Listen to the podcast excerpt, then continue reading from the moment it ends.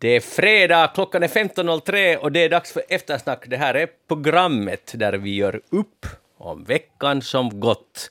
Jag har fått feedback av min fru att man ingen förstår vad jag säger här i början av programmet. Så nu var det ett nytt försök. Jeanette Björkqvist, välkommen med. Tack.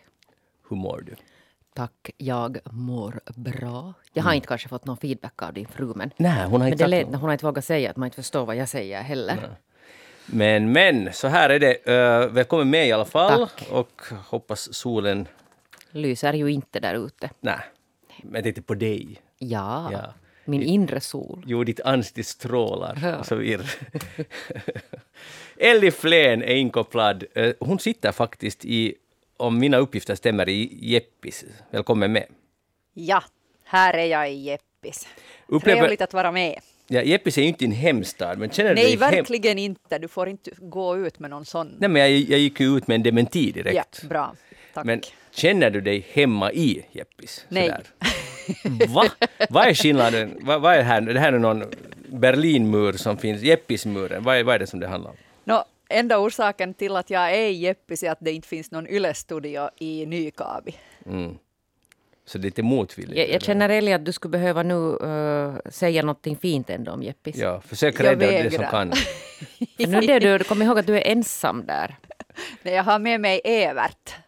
Men om, om Evert teknikern blir sur på din Jeppis-diss så då sen Stänger han kanalen. ljuset. Han håller också Ljudet. på Nykabi. Aha, kom no. ihåg att teknikern har all makt. Så är det. Staffan Sundqvist är tekniker här i Helsingfors. Uh, Evert mm, Pip, vars efternamn jag inte är... Nu. Evert, vad heter du i efternamn? Rönnqvist. Nu fortsätter vi. Rönn och Björkqvist. Och jag heter Magnus Lundén, programmet alltså Eftersnack. Vi har mycket att snacka om, så vi går rakt på sak. Eh, jag tänker faktiskt börja med Party och Sanna Marin. Den här veckan släpptes, eller inte det släpptes ju inte, utan vad ska vi kalla det, läcktes det ut ytterligare bilder och mera är antagligen på kommande. Sanna Marins eh, någon form av polare hånglar på Villa Bjälbo. Skjortorna är uppdragna. Det är en bild och sen har då Sanna Marin efter det här hållit tal för sina partikamrater, också på torget. Var det i Kuopio? Lahtis. Ja, Lahtis, ursäkta. I Lahtis, där hon i princip tog till tåren och förklarade att det har varit en tung vecka. Eh, Men vad menar du med tog till tåren? Det är ett uttryck. Är det? Ja. Vad betyder det? Att man nästan grät Ja, i det här fallet. För det, det låter så där som att det skulle ha varit... Manipulativt. Ja, Ja, precis. Men det här är det vi ska diskutera. Var det det eller var det inte? Och, och överhuvudtaget hela den här rulliansen kring de här bilderna. Vi börjar med Österbotten, för du ser så alldeles för taggad ut, Jeanette. Uh, Elli, berätta, vad har du nu studerat de här nya bilderna? Har du analyserat dem? Har du kommit till någon slutsats? Oj, här finns ju mycket att titta på, speciellt eh, om man nu livnär sig med kommunikationsfrågor. Mm. Eh, så jag skulle kanske kunna börja med att eh, säga några ord om Sanna Marins kriskommunikation, eh, som jag tycker att eh, oberoende av vad man tycker om själva det som har hänt, så har hon skött krishanteringen efteråt nästan klockrent. Alltså hon är en fantastiskt stark kommunikatör.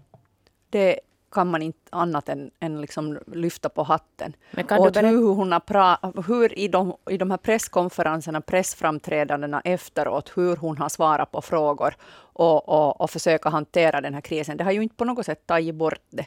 Eh, och, och största orsaken till att det här nu bara har fortsatt eh, är ju det att det har ploppat upp hela tiden lite nya bilder, nya videon.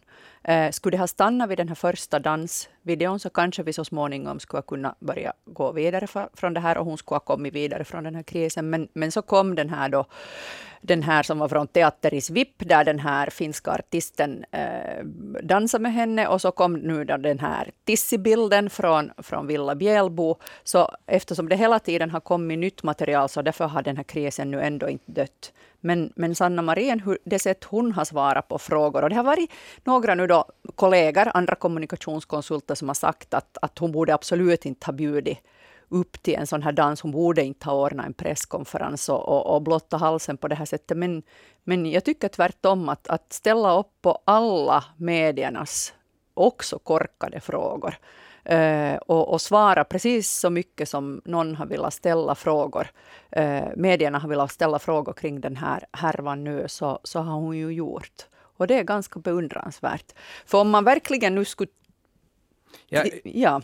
ja, vi vi skulle vilja fråga här, att vad, vad eh, är de där ingredienserna i hennes, enligt dig, perfekta kommunikation? Är det, är det, den, det att hon har ställt, svarat på frågor tålmodigt, eller vad är det som... Ja, är nära det? på perfekta, för visst finns det saker som man kunde ha gjort bättre. Men jag menar, om, om krisen är given, det här har hänt, de här videorna har läckt, så, så det, har liksom, det har exploderat. Och hur hon har hanterat det och hur hon har äh, ihärdigt haft en linje om att det här är hennes liv, sån här människa är hon.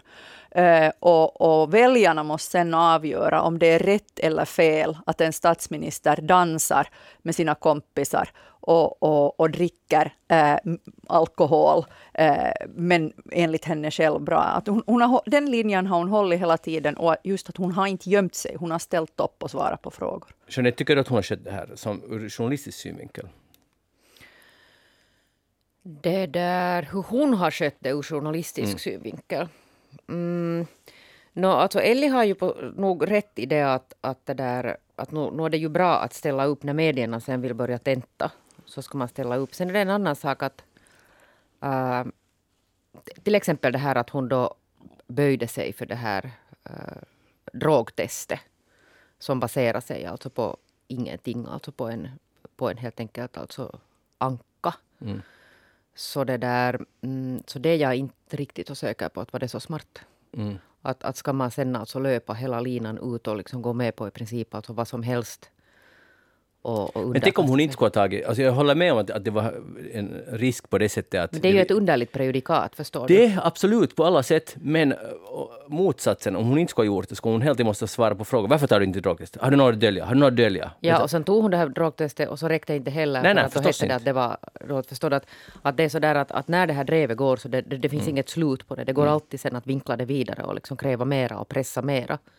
Men för vissa räcker det och för vissa räcker det inte. Men, men nog har väl seriösa massmedier ganska mycket släppt nu äntligen den där ankan som de startade från början. Ja, men de släppte ju den där ankan alltså så där samma dag som de hade startat den och så glömde man helt enkelt bara bort det och lekte Ja. att inte gick vi på den här ankan. Och sen talar vi inte mera om det.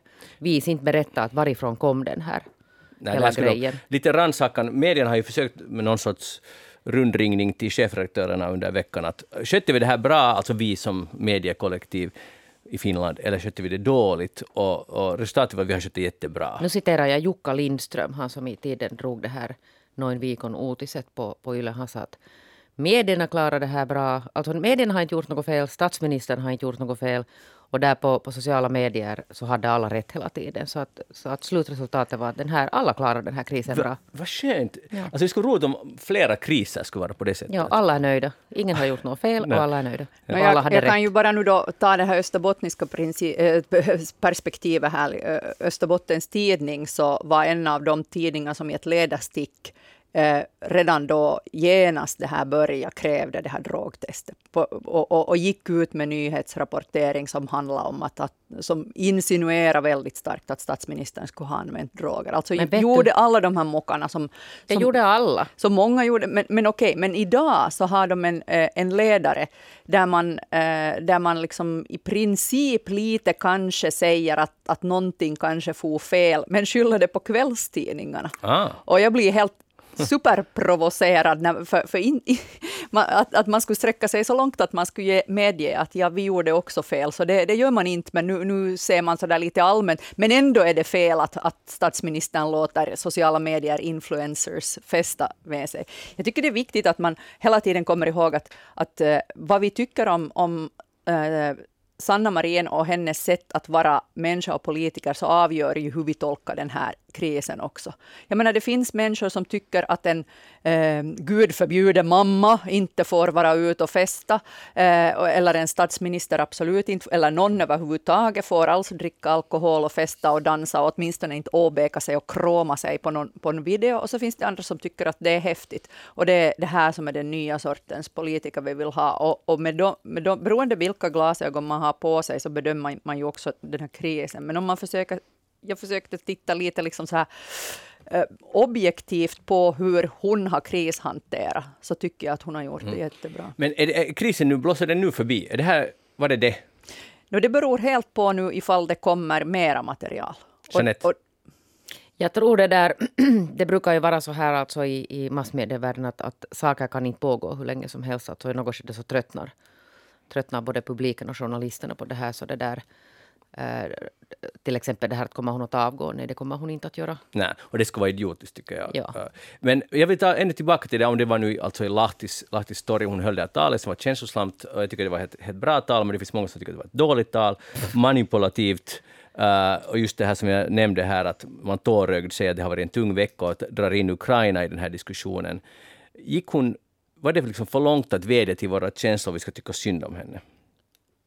Tror du att det var alltså ett medvetet drag att hon började gråta? Jag, jag vet inte, alltså jag gick på det. Det alltså var jag, jag var helt, oj stackarn, Jo, oj nej. Jo, Men- men, det där alltså, jag vet inte där, jag har nu inte alltså, jag kan nu verkligen inte påstå att jag skulle ha liksom ägnat hemskt mycket tid åt att analysera Mm. Sanna Marin, annat än att när hon uppträder så är hon ju jättekontrollerad, alltid. Att hon är på något sätt sådär systematiskt kontrollerad eh, och visar inga känslor. Och då talar vi alltså sak när hon har uppträtt alltså Mm. i egenskap av statsminister i andra sammanhang. Så det här att hon sen då brakar och börjar gråta, så tror jag nog att var helt en äkta Ja, reaktion. alltså det måste ju vara en helvetisk vecka. jo, det, vi, vi, vi måste komma ihåg nu att hon är ju ingen skådespelare. Att hon skulle inte, det där kunde inte vara fake. För det, en, den duktigaste skådespelaren skulle ju inte kunna frambringa ett gråt på det där sättet. Nej, och jag tror inte heller att hon är en sån människa att hon skulle ha Nej. villa. Antagligen, Nej, så det där, inte. antagligen tog det så att säga i huvud sen att ska hon vi- tappade sig. Och sen ska vi komma ihåg att, att publiken där var ju faktiskt, hon var bland sina egna. Hon var då med socialdemokrater och hade säkert liksom där framför sig sådana som har hjälpt henne och partiet i kampanjer, en massa frivilliga, alltså partifotfolket var ju de som, som lyssnade på det här. Och, och, och som politiker så är det ju, det är ju en sak att det är hemskt för dig själv personligen om du hamnar i en, en sån här medial granskning och det är hela tiden, varje dag, medierna fyllda med, med vad du har mockat.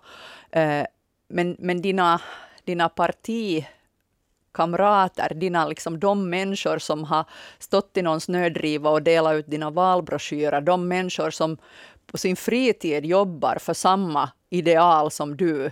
Eh, det är ju hemskt att liksom tänka att de lider också på grund av det som har hänt. Och det var ju dem hon stod framför då, så, så det, man måste ju också sätta det i det pers- perspektivet, att vem pratar hon åt just där? Utmärkt. Då hoppas vi det är sista gången vi behöver tala om de här bilderna. Vi går, vi går vidare till uh, vintern kommer. Och det där, även om det inte känns kanske så riktigt ännu. Så nu uh, med tanke på energikrisen så har uh, no, det är många som säger det här, men Tysklands ambassadör i Storbritannien har idag gått ut med att, att det kan nog vara så att det kommer inte att finnas stöd mera för Ukraina om vintern blir hård med jättehöga energipriser och energikriser, att det kan bli stopp på vad ska vi säga, upp, uppvärmning och sådana här saker, belysning och ja, helt enkelt strömavbrott i värsta fall, vilket jag inte tror att kommer att ske, men om det nu skulle ske. Eh, och att stödet för Ukraina kommer att vackla och att mycket kommer att hända den här vintern. Nu är frågan till er, Men exakt praktiskt hur menar han alltså att stödet vacklar? På vilket sätt? no, att det blir alltså det politiska stödet för att Tyskland, no, eh, Storbritannien, Norden, Baltikum, no, inte Baltikum, det kommer inte att ändras. Men att flera länder, Frankrike, inte mera kommer att... Det kommer inte vara politiskt möjligt att stödja Ukraina så mycket som man har gjort hittills. Det, det här, och, och att folk kommer att kräva förändring. Att, kan vi inte bara få en fred nu så vi får vår billiga energi istället? Gasen. Gas till exempel. Gasen som nu lär eldas upp av Ryssland där Ja. på deras sida läste jag i DN. En miljögärning. Ja, verkligen för Arktis särskilt. Ja. Nå, men tror ni, och hur förbereder ni er på det här? För jag tänker på det här ganska mycket och jag är nu redan lite nervös om det, här, om det ligger någonting i det här. Eller är det här bara rädsla? Elli, kort svar. Ja, man får ju vara illa rädd att han har rätt. Att eh, den stora allmänhetens intresse för Ukraina kommer att minska om de börjar koppla ihop det med att de själva har det lite obekvämt. Men jag hoppas att han har fel och han borde skämmas och ha ett kokstryk för att han säger det. Där var det. Eh, Alltså jag tänker så här, det dumma med att, han, att gå ut med det här är ju att Putin sitter ju där och många andra i Kreml och mm, att här har vi ju vår taktik. Att vi skapar ännu mer ord. De vet ju nog det här från början, men de har hittat en svag punkt, eller de har vetat det förstås hela tiden, men nu är de, får de bekräftelse på att här har vi vårt sista vapen förutom kärnkraft. Uh, kärnvapen, uh, ursäkta. Att, att det här, är, här kan vi spela på. De är livrädda redan, det är augusti och de är nu redan helt i knipa. Så att jag tror att man spelar lite i händerna. Och inte bara lite, det är mm. rakt. Det är en ja. passning till Putin det här. Mm. Jeanette, är du redo för en sån här, det blir kallt inomhus och du måste spara på allt? Är någon redo för det, men, men det där, nu tror jag ju på att människan är anpassningsbar, fast vi har blivit lite bekväma i vår välfärd, så, det där, så, så nu har ju människan överlevt värre saker. Ja, det kan man säga. Hur är det till exempel, jag läser i, både i Aftonbladet och i, uh, ja, du har säkert på Svenska Yle, att veden håller på, eller är praktiken slut, ni vet, att man går far någonstans, i de som inte hugger själv sin ved, som Elli, Uh, Magnus. Han, ja, så, så, no ja, men att många köper ju också ved, man, för man har så enormt behov och det, det är ju billigare just nu att använda ved uh, än, än att ha eluppvärmning. Men nu är veden slut och det, man kan inte bara trolla fram ny ved för det måste torka Jeanette först. Jag vet det. Ja, bra.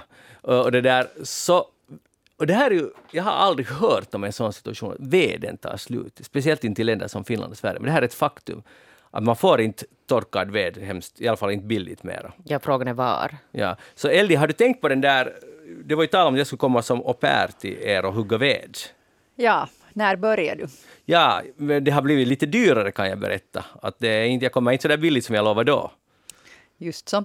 Det här, eh, ja, ja, jag tänker nog faktiskt på det och, och känner lite stress över att jag borde ha mer ved i Lidre och jag borde ha satsat mer tid på att, att bygga mm. vedtravar i sommar. Men, mm. men, eh, men inte det är ju för sent ännu, speciellt när man äger skog. Det är ju bättre att ha lite råved än att, att inte ha någonting. Så, så nu kommer jag att ha, men jag kommer nog att elda mer tror jag i min högfors och, och, och, och i min spis och i min vedeldade bastu i vinter. Mm. Det kommer jag att försöka göra. Men det är nog inte lätt att få ved torkad under hösten om inte du har något specialarrangemang. Jag vet, men, men nu värmer den ju någonting, den där våta veden, och jämfört med att inte ha någonting. Men det är så miljömässigt uselt. Jo. Ja, det är ett dilemma i alla fall.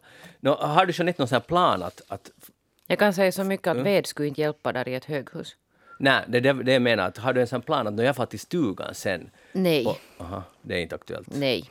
För jag tror att många kanske har sån här, till exempel jag, reservplan, att om det nu är så att stadens infra kollapsar, vilket den inte kommer att göra, men det är bra att ha en sån här plan B. Jag tror att Ellie håller du, med. Jag är så dålig på att det där tar sån här stress. Ja, nu, inte, nu tar du lite stress. Nej, vet du, nej, jag gör ju inte alls. Okay. På något sätt liksom, man tar vet du, dagen som den kommer. Och... Det är rätt, men det är bra att ha en liten sån där. Jag säger så här, no, jag, jag håller helt med dig. Och, och, Ja, exakt, du har en plan. Bra. Ja. Och jag har bara en sån abstrakt plan. Jag far till, eller vi far till stugan. Jag, ja. Det är inget annat i den här planen. Det ingår inget annat än det. Och det är bara bra, så får man ett lugn, så behöver man inte tänka så mycket. Ja, och så tänker jag så att det är bäst liksom att människorna så där överlag också håller sig lugna. Ja, som, precis som under pandemin. Ja, ja och för att vi framför allt... i motsats då till hur, hur jobbigt det än blir, hur dyrt det än blir, fast det skulle komma sådana här planerade el, elavbrott för att vi har för lite elektriskt, att vi hela tiden håller i, i, i tankarna att vi inte låter det här påverka vår inställning till Ukraina. För ukrainarna har det trots allt argt mycket värre. Nej, man, jo, jag, jag, jag, kopplar alltså verkligen inte alltså ihop det här. Nej, jag man... ser det mer, alltså, man får ju se det här också som ett steg mot mot den framtid dit vi ändå borde ha gått, alltså att vi blir lite bättre på att hushålla mm. med energi. Exakt. Att, det, att om man riktar mera in det här och tänker det här också som en sån här klimatåtgärd och inte bara kopplar den till ett krig, att inte det är meningen att vi ska sen återgå till sån här överförbrukning av energi i framtiden. Och det som mm. kan göras på, på till exempel kommunalt plan är ju att nu till exempel snabbt som tusan se till att, att det går så snabbt som möjligt att bygga de till exempel vindkraftsparker som är i planeringen. Att, att nej, men det ska överklagas, Ellie. Det ska ja, nej, men det, hmm, just det. Men man kunde försöka göra det så smidigt som möjligt, för, för jag tror nog att det börjar bli dags att inse att vi på riktigt behöver. Och alla ni som har en sommarstuga som har en vägg som lutar mot söder, installera nu. Nu är det tid att installera hela taket med solpaneler. Om ni är kopplade till nätet, sälj den där elen till nätet. Och det är, det är många bäckar små. Och det här går att göra, det är inte så jättedyrt alla som hör till medelklassen och uppåt har råd med detta. Just do it. Och sluta marra om, om, om speciellt om det blir något gnäll om att det här är Ukrainas fel och nu måste vi få fred med Ryssland, så det, istället gör någonting själva. Det här kan man göra. Det kan näst, inte alla, för det kostar en del, låt oss säga 7 till 10 ton. Och det är mycket pengar att ha extra, men de som har extra. Och det, ja, är, en det är en investering. i framtiden i alla fall, ja. för att det är ditåt vi måste alltså ta oss Exakt. oberoende. Mycket bra. Hej, uh, nu är det ju också på tal om energi, så det är lite kris, eller inte så lite, heller, stor kris i Ukraina. Det här kärnkraftverket som är Europas största och världens tror jag, tredje största. Där Ryssland, som Ryssland har ockuperat och kopplat bort nu i dessa dagar från... Uh, ja, det producerar inte mera el. Och det bor, normalt producerar det en femtedel av Ukrainas energi. Och det uh, bisarra i det här är ju att Ryssland låtsas som om det här är lika mycket Ukrainas fel, att de, de beskjuter oss. Men de, är, kommer inte riktigt ihåg, både i FN och andra ställen, att det är ju de som nu är ett annat land och har intagit ett kärnkraftverk. Och sen skyller de på det där vars... Som försvarar sig. Ja. Uh, det här är uppenbart för många, men det som slog mig nog, som jag tänker, mm, när det är mycket tal om kärnkraftverk, att vi ska utvidga det för att klara klimatkrisen. Också gröna i Finland tycker att det är jätteokej med många, många små mini-kärnkraftverk i framtiden, också i Finland och på många andra håll. Och då tänker jag bara att man kan aldrig veta hurdan, hurdana kriser som kommer. Ska vi ha faktiskt låt oss säga 50 eller 100 minikärnkraftverk, som är alla är potentiellt sådant här ställe som i en kris kan användas. Då är det inte bara ett stort, utan Nej, det finns många, många små. Ja, och orsaka stor sån här eh, skada. Att, att ska vi ha en sån energiform som potentiellt i värsta fall håller hela världen, liksom terror, eller i alla fall Europa, på, på tårna, det är ganska bisarrt. Har du, e- Eli, någon kommentar? no, no, no, jo, jag, jag är ju själv nog av den åsikten att, att kärnkraft är en, del, en viktig del av Finlands energipalett och vi skulle inte klara oss utan våra kärnkraftverk och, och, och, hoppas, hoppas, hoppas att det här nya kommer igång nu. ja, det har bara tagit 13 år, det är helt normalt. Ja. ja. men, och men inte har det, kostat någonting heller. Men nu är det ju en poäng det du säger, och det här skulle ju inte vara ett problem ifall uh, ryssarna skulle följa de internationella lagar som finns. För det finns faktiskt en Genèvekonvention och det finns uh, internationell rätt som säger att man absolut inte får röra Eh, eh, kraftverk i, i, i, allmänhet och kärnkraftverk i synnerhet, fast man ska hålla på och kriga. Så mm, men, när man har en aktör som bara fullständigt skiter i alla regler och inte bryr sig om varken sina egna soldaters säkerhet eller, eller omkringliggande civila eller, eller någons överhuvudtaget, så då, då är det ju svårt och då är ju allting potentiellt en, en stor risk. Men det borde man ju också kunna räkna med att det finns sådana länder som man helt enkelt inte kan lita på. Inte är ju Ryssland det enda landet. Nej. Nej, jag tycker inte att, jag håller förstås med om att, att det är ju det som är hela det här ehm, svåra den situationen när ett land, i det här fallet ett land, eller, eller ett och ett halvt Belarus, inte bryr sig om normer, som du sa, eller regler, avtal och så vidare. Men redan det första avtalet bröts, att de marscherade in, gled, lät sina pansarvagnar rulla över, och då är ju allt, det spelar ingen roll vad det här finns för avtal, sen mera i det skedet. Man kan göra vad man vill. Och, där, och därför är det nog riskabelt, eftersom vi människor är människor, stater är stater, om de, om de är pressade eller känner sig, i det här fallet känner sig pressade och desperata, så spelar det ingen roll. Och därför tycker jag inte man... Man ska inte ge den här möjligheten att det finns ett sånt här sätt att terrorisera ytterligare. Bortsett från allt, alla andra sätt att terrorisera, artilleri på distans och hålla på så det är nog uh, farligt. Och jag förstår ju också att vi kan inte sådär bara avveckla och nu är det whoops, och, för allting skulle ju kollapsa då. Men vi måste tänka på det här och i alla fall inte utvidga. Det här min. Och när jag läser Språktidningen i somras kom det ut nummer, uh, ja, vad kan det här nu vara? Det är nu ett nummer här, nummer 5 2022. Så här är en artikel uh, som ju också har varit i andra medier, tror jag, i något skede att hur ska man kommunicera till framtiden, våra, alltså vi säger tusen år in i framtiden, när vi nu sätter vårt kärnbränsle ner i berggrunden, ska vi sätta en skylt och till inte röra det här, men ingen kanske förstår finlandssvenska mer på den tiden, vilket jag inte tror, för finlandssvenskan kommer att överleva. Men, men det kan vara att, om, om, att, att det, inte alla förstår, så hur ska man kommunicera detta? Och experterna inte riktigt, liksom, de vet inte riktigt hur man ska göra. 10 000 år, hur finns språk mer? Men Magnus, är inte det där nu lite långsökt? Jag menar, man får vara emot kärnkraft och, och kärnkraft, det är inte så. Men, men, Nej, man får, okay. ja, men, ja. men inte det är ju så att vi nu gräver ner det där avfallet i någon berggrund och så sätter vi eh, ett sigill på, på luckan och så glömmer vi bort det. Utan det är ju liksom kontinuerligt någon som jobbar Eli, stopp, på det. Stopp. Alltså nu talar vi om tusen eller tiotusen år. Civilisationer kommer att komma och gå. Det är inte alls säkert. Vad vet vi om det blir en stor kärnvapenolycka? Allting glöms bort. Inte det alls säkert att det finns, att det finns den kunskapen om tusen år. Att det här, att det inte öppnar det här. Okej. Okay. Det här är premissen i den här artikeln. Det är inte jag som hittar på det här. Ja. Experterna är jätteoroliga. Eller ska vi säga, de funderar på saken ja, språkexperterna. Men så har vi också andra experter som funderar på vår energipalett och, och tänker att vi kanske behöver ha den där elektricen som kommer från kärnkraften. Mm, och de är nu de kloka här, tycker du? No, inte Båda är nu alla dumma i huvudet. Nej, det är jättebra att det finns alla sorters experter. Men ser du inget problem i att man det där jag tror att jag någon gång har läst filosofi och det heter distributiv rättvisa. Alltså det att vi på något sätt tar nu vårt liksom nyttan här i vår tid, att vi får den här energin och sen skuffar man över den här.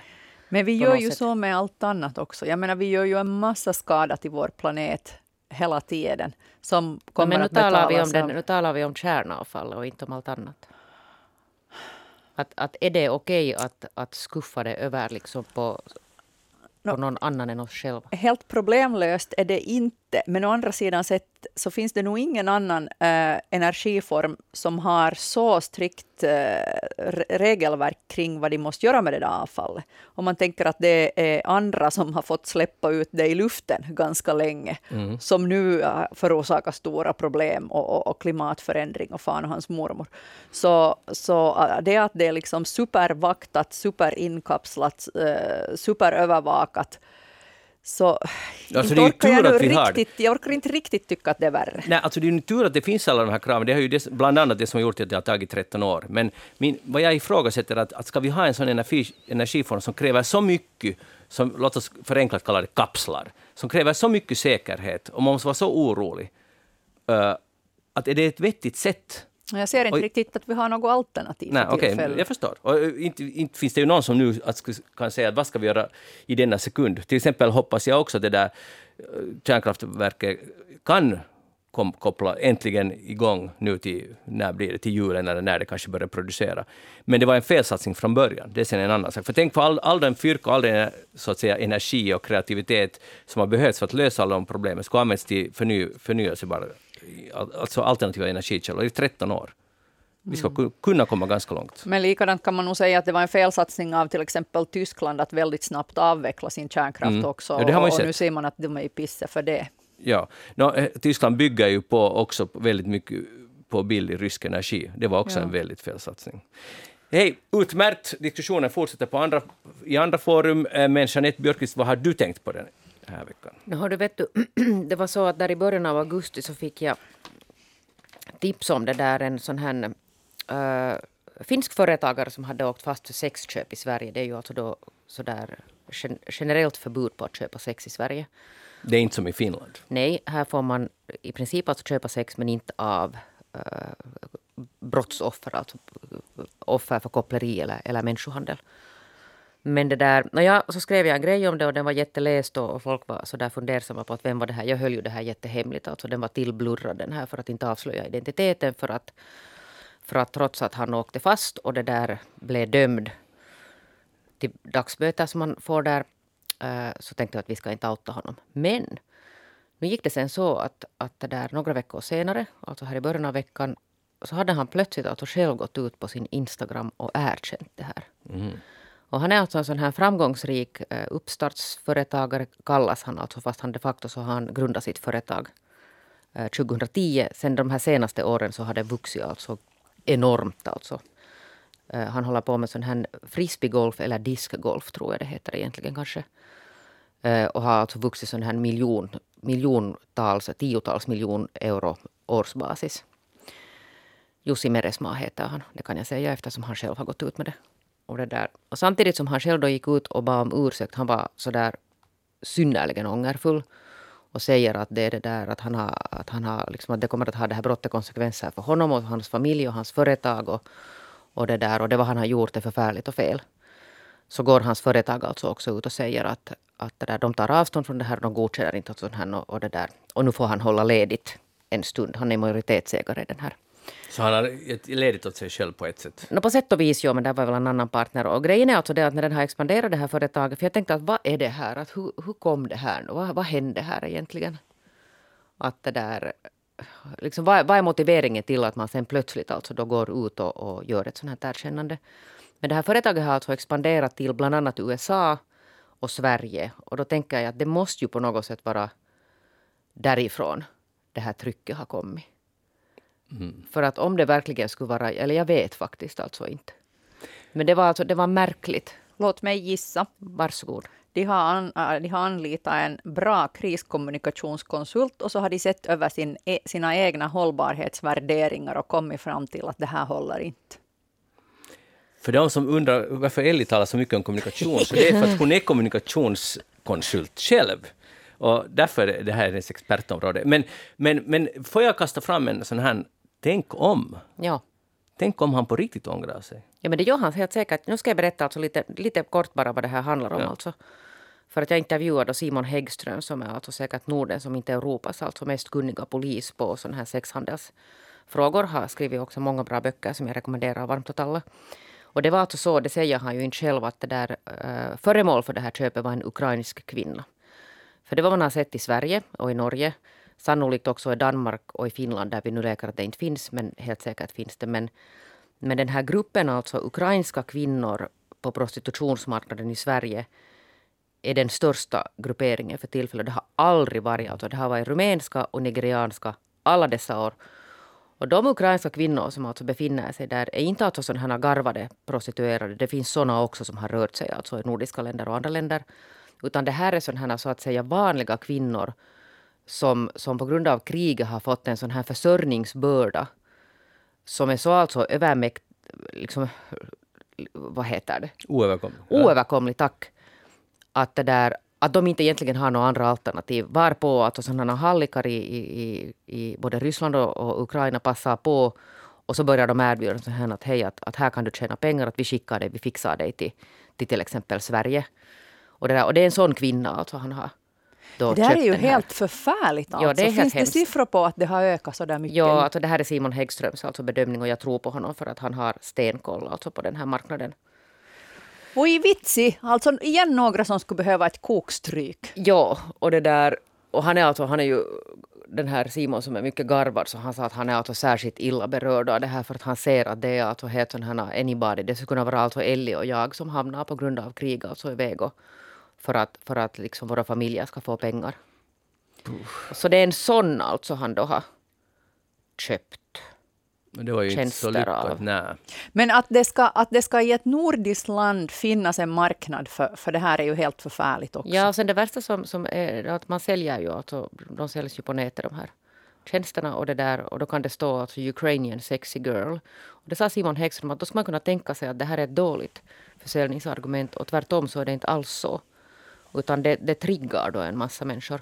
Men i alla fall vad som brukar hända, alltså han, bland annat alltså vad han gör är ju det att han sitter och spanar på nätet och sen så går de och så börjar de det där eh, alltså spana sen på bostaden där det här finns. Och utan undantag är det alltså så, de är ju jätteeffektiva, det åker fast en massa sexköpare i Sverige. För att lagen är enkel alltså där. Utan undantag så är det så att, att de är helt förstörda. De är uppriktigt ledsna och helt förstörda. Alltså männen? Männen som mm. åker fast. Och, och, samma alltså förklaringar upprepar sig gång på gång på gång. Som då? Nej men som vet du, att man börjar förklara att hur, hur, hur, liksom, hur gick det här nu till och vet du, man visste inte och vet du. Man, man tror tänk, att man hjälper. Ja, man tänkte hjälpa mm. och bla bla bla bla bla på det här sättet och liksom. Så, så, så det är ju alltså så att det är klart att sen när man åker liksom fast med, med handen i syltburken så känns det illa. Men man skulle kunna vara lite så där progressiv och tänka alltså före också att det där att, det där, att kanske man inte ska göra en sån handling som sen orsakar så här mycket eh, liksom illamående och, och katastrofer i sina spår. Att kanske man helt enkelt då försöker bara kontrollera sig. Mm. När ska det gå hem att, att det är liksom det stora, stora, äh, stö, de allra flesta kvinnorna så vill inte sälja sin egen kropp.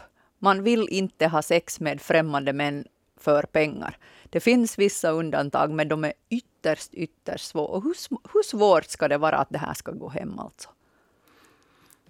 Det måste handla om en... Det handlar om allt möjligt förstås, men här handlar det också om, i det här fallet i alla fall, en brist på empati. Mm. Så att man bara ser sitt eget behov och ser inte liksom... Sitt eget omedelbara behov. Ja, alltså nu. Det som nu ja, gäller. För det sa han ju att han, han, aldrig, alltså, han kan inte upphöra att förvånas över det. Att den här liksom vanliga driften är så stark att man är beredd att riskera allt mm. för att så att säga få en orgasm. Så det är ju nog alltså Ja, jag, jag har ingen kommentar. Alltså, det är helt förskräckligt. Men Elli, en fråga till dig, som, när du nämnde att det kanske var en uh, kommunikationsexpert här som har varit involverad i det här fallet. Det här är bara fiktivt, för det vet I alla fall vet jag inte.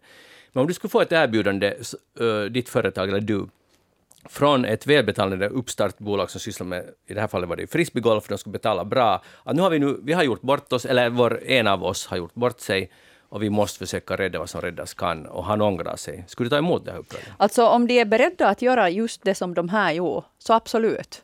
Du skulle göra det? ja, ja, för att de, de, gör ju den rätta saken. Han har mockat, han, han ångrar sig, han vill reda upp det, han vill rädda företaget. Men, eh, men det har ju hänt sig, äh, inte nu exakt det här caset, men det har ju hänt sig att jag har blivit kontaktad av företag eller av organisationer som vill ha, vill ha min hjälp för att kyla över. Mm. Och för att få tyst på någon som, som försöker avslöja. Och det, det, det gör jag inte. Det är alltså totalt mot mina e egna etiska linjer. Men vänta, jag, lite, jag måste ännu följa upp det här. För att om, om, om du märker under processen att den här, den här ångre, ångern inte är så djup, att det är mera en, en liksom manöver, hoppar du av då? Och det, det där är ju förstås en, det är en jättebra fråga.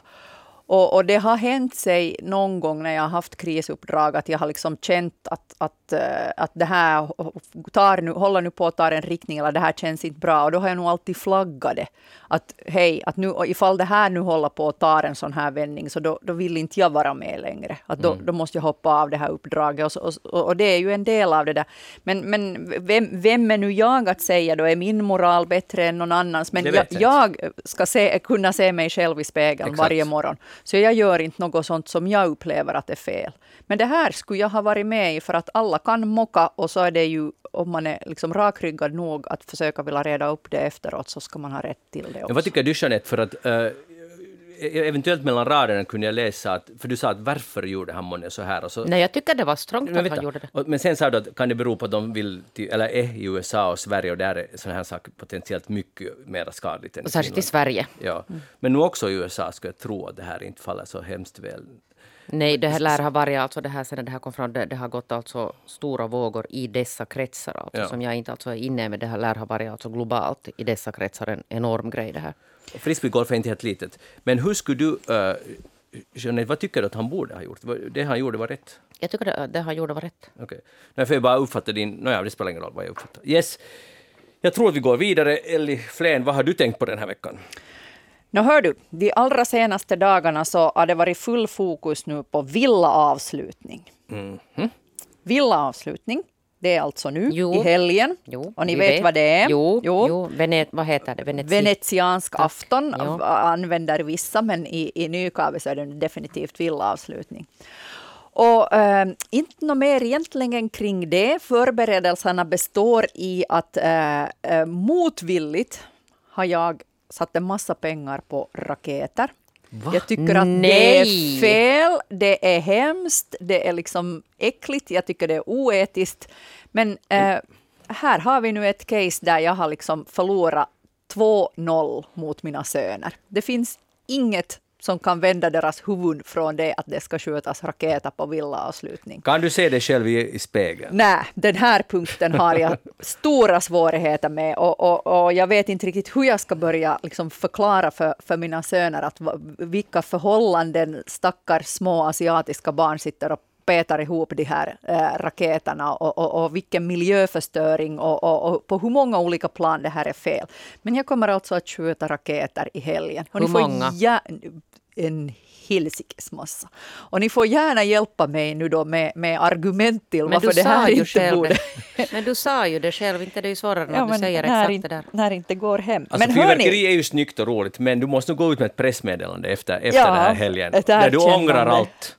Men jag skulle vilja fråga er, att, att, eh, vet ni varför man firar villaavslutning? Vad, vad historien bakom är? Eller som du vet, så vi är ganska stadigt förankrade i södra Finland. Och den här traditionen, det var inte många år sedan jag hörde om det först. Vad är det alla snackar om? Och det där, aha, och sen försökte jag lite läsa in mig, det var nog kanske tio år sedan. Jag hade aldrig, jag visste ingenting om det här. Och eh, det låter som en väldigt fin tradition. Jag är igen lite sådär imponerad av den österbottniska, vad ska vi säga, ihärdigheten. Alla far ut, alla firar. Är det inte så att i princip alla är med om det här? Ja, alla, alla som, som har en sommarstuga och, och har man inte en egen så, så försöker man nog se till att bli bjuden till alltså, någon Nästa gång, Jeanette, vi måste bli bjudna någonstans. Ja, men ja. välkomna, nu hinner ni hit tills imorgon kväll. Nej, inte till imorgon. Men nästa år? Nästa år. Men eh, jag har ingen aning, men alltså har det någonting att göra med fornälarnas natt? För det är ju en fin grej. Ja, men... ja det, är liksom, det, det, det är lite Åbolands äh, motsvarighet och det påminner om det. Jag vet inte exakt hur mycket koppling de har, men, men faktiskt det, det här namnet att det kallas på vissa ställen venetianska afton. Så det här var alltså sjömän som tog med sig den här traditionen från Venedigs karneval, där man tände liksom sådana små eldar kring, äh, längs kanalen lokalerna eh, och, under karnevaltiden. Och så kom, kom det sjömän då på 1800-talet och, och, tog den här traditionen till, till Finland. Och då, då firar man faktiskt på 1800-talet venetianska aftnar i bland annat Helsingfors och Sankt Petersburg. Mm. Men så har traditionen dött ut, förutom i svenska Österbotten. Här är vi lite långsamma, så vi, vi håller fast vid vissa saker och villaavslutning är en av dem. Fantastiskt. Hur ser det ut i Jeppis centrum ikväll? Är det liksom någonting? Men ser du inte det ikväll, det är imorgon? Nej, förlåt, ursäkta, ja. lördag kväll. Ja. ja, det har jag ingen aning om. Det skulle inte falla mig in att sitta och häcka i Jeppis centrum. Jag tror, men igen är du igång igen, där. Alltså, du måste Nej, men, sluta med det de, där. De kommer att vara, det här kommer att vara dött och tomt, för jag tror att alla Jeppisbor har farit till sina villor. Ja, det var det jag menade. Ellie, alltså jag, bara, jag, jag, måste lite nu alltså det där, ta, ta det där eh, Jeppis försvar här nu. Vi tycker med Magnus om Jeppis. Ja. Och jag tycker att det känns nu lite ohemult och osakligt att du sitter i Jeppis som är alltså gästvänliga nog att bjuda in dig till studion så att du kan medverka eftersnack. Och så har du sån här liksom attityd. Det, det känns inte helt okej. Okay. Men du, de pratar nog precis på samma ja, men det sätt struntar jag i. Jo, men nu sitter du i nationell radio och säger på det där sättet. Okej, okay, förlåt Jeppis. Bra. Men har du någonsin, har du någonsin firat, uh, Jeanette, Nej. villa? Också det heter villa ju liksom en sån här linjedragning. Ja. Uh, det var ett ord jag inte förstod vad man talade om. Jag trodde man menar så här, en Grankulla-villa eller en Hangö-villa. Uh, men man lär sig, Ellie. Man kan in, vi är alla uppvuxna någonstans. Så att, uh, då, villa är ju alltså synonymt med helt enkelt sommarstuga, eller hur, Ellie? Ja. Ja. Men är de nu finare de där sommarstugorna i Österbotten? Det är skillnad att de har byggt dem själva. Det är min klichébild av en österbottnisk villa. Eller stämmer det? Uh, ja, ganska långt, eller så har man ju ärvt den då, men, men oftast ja. Men då bygger man ett annex minst? Ja, ja, ja, precis. Och en pizzaugn. Ja, no, naturligtvis. Det är det första som kommer på tomten. Men äh, det är en fin tradition och äh, du talar om eldarna som i Åboland, så de, det, det är inte bara i Åboland, men det är väl längs kusten, så det är ganska vackert. Men nu hörde jag i radion att man ska vara väldigt försiktig, väldigt, väldigt försiktig med skogsbrand och kanske inte tända den där brassan no, verkligen inte om det finns varning för skogsbrand, men inte annars heller. Och om det är någon som undrar att, nå inte nu risken för skogsbrand så stor eller inte skogsbrand så farligt, så det finns då den här podden som jag talade om i Nattsnack på Sveriges Radio som finns, uh, ja det finns där på, eh, vad heter det, SR Play kanske? Nej, inte, no, men i alla fall, det finns på Sveriges Radio sr.se finns det en uh, lång dokumentär om skogsbranden i Sverige 2000, när det var några år sedan. Och efter man lyssnar på den så har man en extrem respekt för faran med skogsbrand, så att var väldigt försiktiga med det. Uh, eller blir det roligt med det där fyrverkeriet? Alltså det skulle kunna vara roligt, men jag är faktiskt tycker att det där fyrverkeriet är jobbigt. Men, men, alltså, men minus det, här, det så Eli, tror jag att det blir roligt. Eli, jag kan inte ta det på allvar när du säger så här. Du, säger, du, som, du talar bokstavligen med kluven tunga. Ja, du säger det. att det är oetiskt och du inte tycker om det och sen gör du det ändå. Alltså mm. du måste välja och acceptera att det är roligt, att, du har, att det är skoj och att du, du struntar nu i konsekvenserna för någon annan. Och det är ju det jag måste göra för mina söner, för jag kan ju inte liksom med, förstöra då den där festen Nej. för dem med att hela tiden jomma Utan, nej, jag tänker inte jomma, utan jag tänker mig hålla god min och skjuta upp de där raketerna. Det är bra, Ella. Sen har Ja. du ett år på dig att det där omvända nu och förklara liksom den här hela bakgrunden. Så nästa år så gör ni någonting annat än skjuta fyrverkerier. Och, och sen det där pressmeddelandet på må- måndag. Hur många alla österbottniska hundar mår med den här då? Dåligt. Ja. Jättedåligt. Mm, fint. Och katter. Hej, förra gången Eli hade vi fight om, om um, inrikesflyg och jag, jag skulle gärna fortsätta diskussionen för att det där, nu är det någon form, jag läste om Jyväskylä, att det där, eh, det här var nog för någon vecka sedan, men eh, det har varit många artiklar om det, bland annat i HBL men också i Hesari. Eh, regeringen vill bevara rutterna trots att man räknar med, med en, ett snitt på ynka fem passagerare per flyg på rutten Helsingfors till Jyväskylä, uppger MTV. Så då tänker jag så här att, att det är ju mest nu eh, affärsmän eh, och businessar som, som jobbar för att de här eh, förbindelserna, förbindelserna ska finnas kvar, också när det gäller Kronoby. Att, att företagen behöver det här för att, att allting kollapsar om inte man har den här snabba förbindelsen. Och att, och att Helsingfors inte är målet, utan man ska vidare ut i stora världen. eller man ska ha kunder in. Och jag förstår det argumentet. Men jag tycker inte det håller helt ut. Uh, nu så jag tänker så här, att annars är oftast är affärsmän de första som säger att om inte någonting är lönande, så då slutar man med det. För att man ska inte göra per definition minusaffärer. Man ska liksom alltid sträva efter vinst och det är helt sunt. Hur kan man motivera en förbannad flygrutt som har fem, i snitt fem, person, fem passagerare och med, alltså med skattepengar subventionerade? Fråga till Elli Flen. Och vi tänker också på miljö. Magnus Londén, du kommer att bli perplex nu. Men äh, jag håller faktiskt på att ändra min åsikt i den här frågan. Va? Ja. Och det är kanske delvis... Hon är kvinna. Din, ja, Hon är kvinna nog att ändra sin åsikt. Det är bra, Elli. rukukar som inte kan ändra sig, säger Ja. man i Munsen. Jag är, Det Nu är här- jag imponerad, mer imponerad än någonsin av Elli Flen. Att man kan byta åsikt. Ja, och jag, jag håll- håller på att göra det. Och, och just på grund av helt praktiska och affärsmässiga grunder. Jag ser på mitt eget beteende. Nu när eh, pandemin förhoppningsvis då är, är i ett sånt skede så, så jag också har börjat resa tillbaks. Så jag märker att förr så flög jag alltid. Därför att det var så mycket snabbare och, och så mycket smidigare. Ehm, nu gör jag inte mera. För det som hände när de här fly, flygrutterna togs bort under pandemin, så, så VR var ganska snabb på att, att sen då skärpa sig och, och sätta in nya rutter som stannar i, i, i Bennes och så vidare. Och nu är det bara så att det är så mycket billigare och finns så mycket mer rutter att välja, med, mel, välja mellan med tåg om man ska från, härifrån till Helsingfors.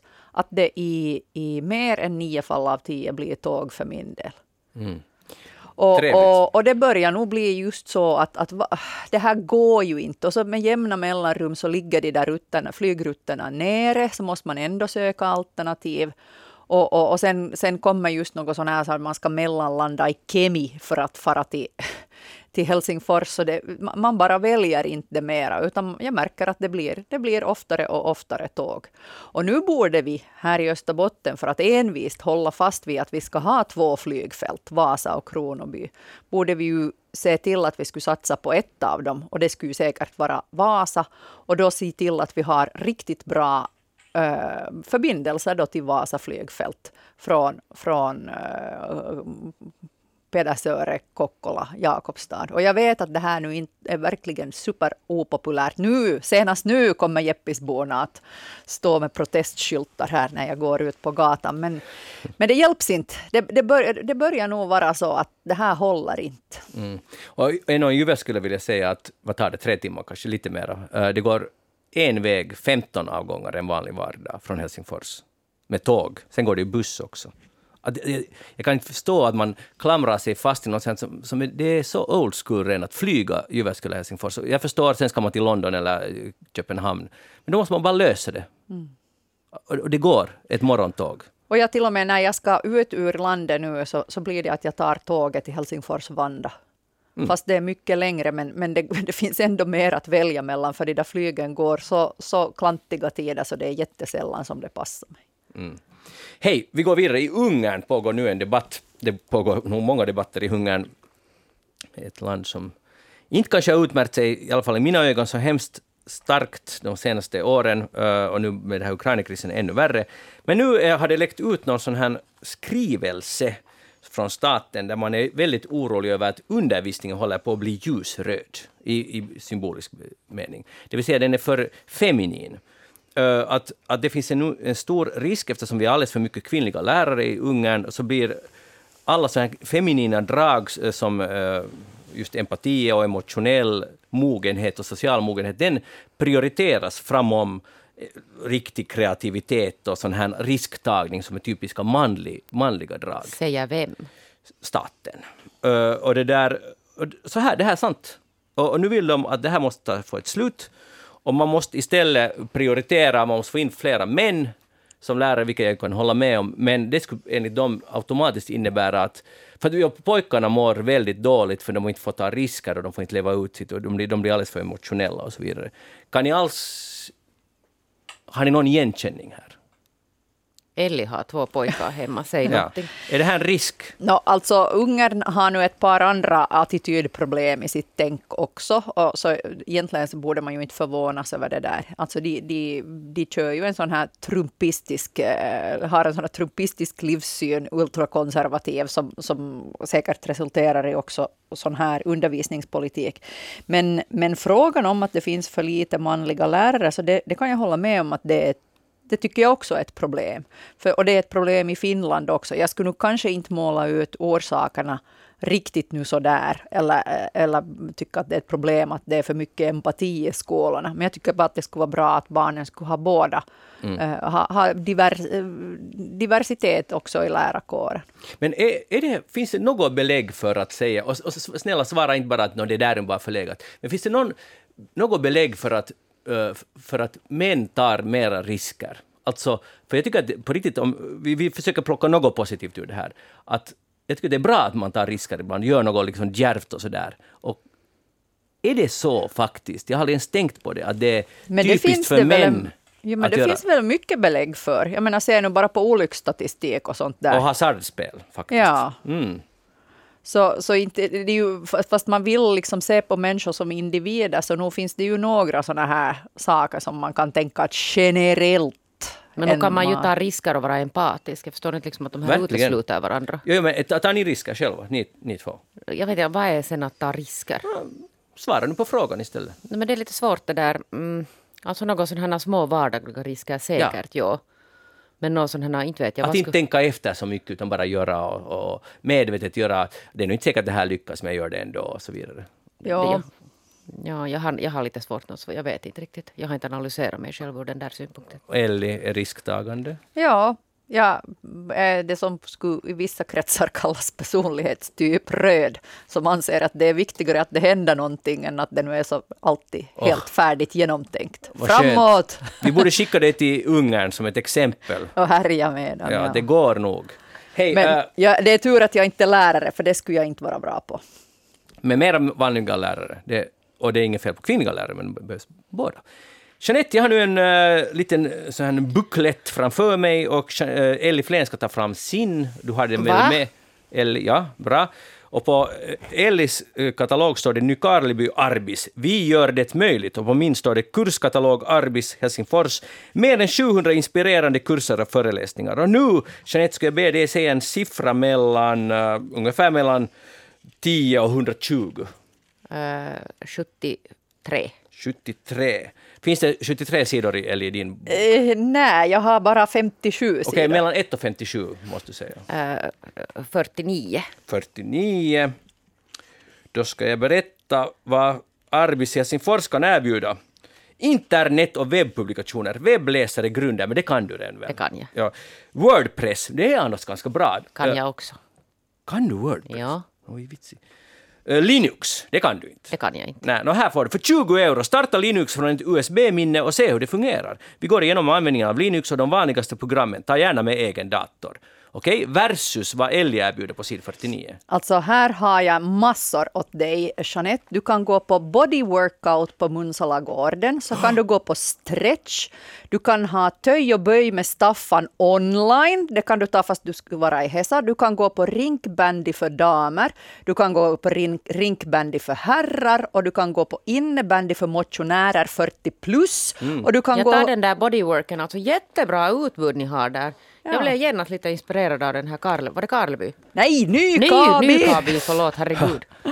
Och, inte Jeppis eller. Men alltså, eh, jag, jag har svårt nu att välja Linux eller vad är det, body workout. Det låter... Ja, men du kan ju gå på den här innebandyn. Nej, nej, man, man bara stukar akillessenan far. Ja, det här body workout är mångsidig cirkelträning för hela kroppen. Pulshöjande inslag ingår också. Och vem blir vår ledare där? Ja. Eh, Linn Sjöberg. Yes, Hon är Linn. så bra. Vi ses. Linn Sjöberg, vet du, vem, vem drar den här Linux-kursen? Det är ju en bra fråga. Vi ska se. Äh, Laurits Möller, no, han, är, han är också bra. Han är också bra. Så det där, men vad jag egentligen vill säga med det här, är att det är ju helt otroligt, vårt samhälle. Alltså, det här som någon har byggt upp, jag menar inte bara Arvid, utan vårt samhälle. Att här får man en katalog, gratis eller via skattepengar, och så 700 kurser i Helsingfors. Hur många har ni i Nykarleby? Ah, nu, nu, nu, vet jag inte, här står inte... Med många. Med många, body många. workout, Ja. Yes. eh, rinkbandy.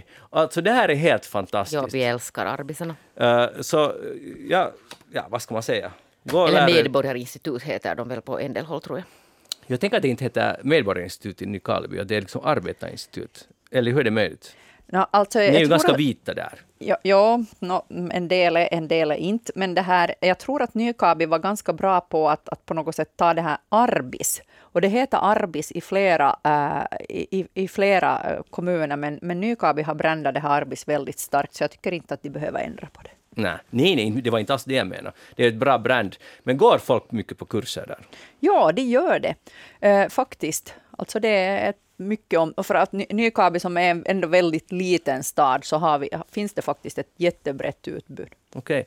Alltså, Jeanette, du är lite imponerad på att kan du faktiskt Wordpress? För jag är lite stolt, jag har lärt mig ganska nyligen. Ja, ja nej, nej, nej, jag kan nog. Jag är ganska duktig, det här visste du kanske inte, men jag är ganska duktig på sådana här. Nej, ja, nej, inte Grejer. Wordpress, fint. Jag kan till och med koda lite allt möjligt. Bra, men då ses vi på Body Workout istället. Ja, med. Linn Sjöberg Ja, i i Nykabi. Nykarleby. Ja, Jeanette faktiskt på Munsalagården. Yes! dessutom det. Jeanette Björkqvist, tack för att du var med idag. Tack, Eh, Magnus ha en, ha en fin villaavslutning. Ellie Eh, Flen. Ellie Flen, ha en fin villaavslutning med eller utan fyrverkeri.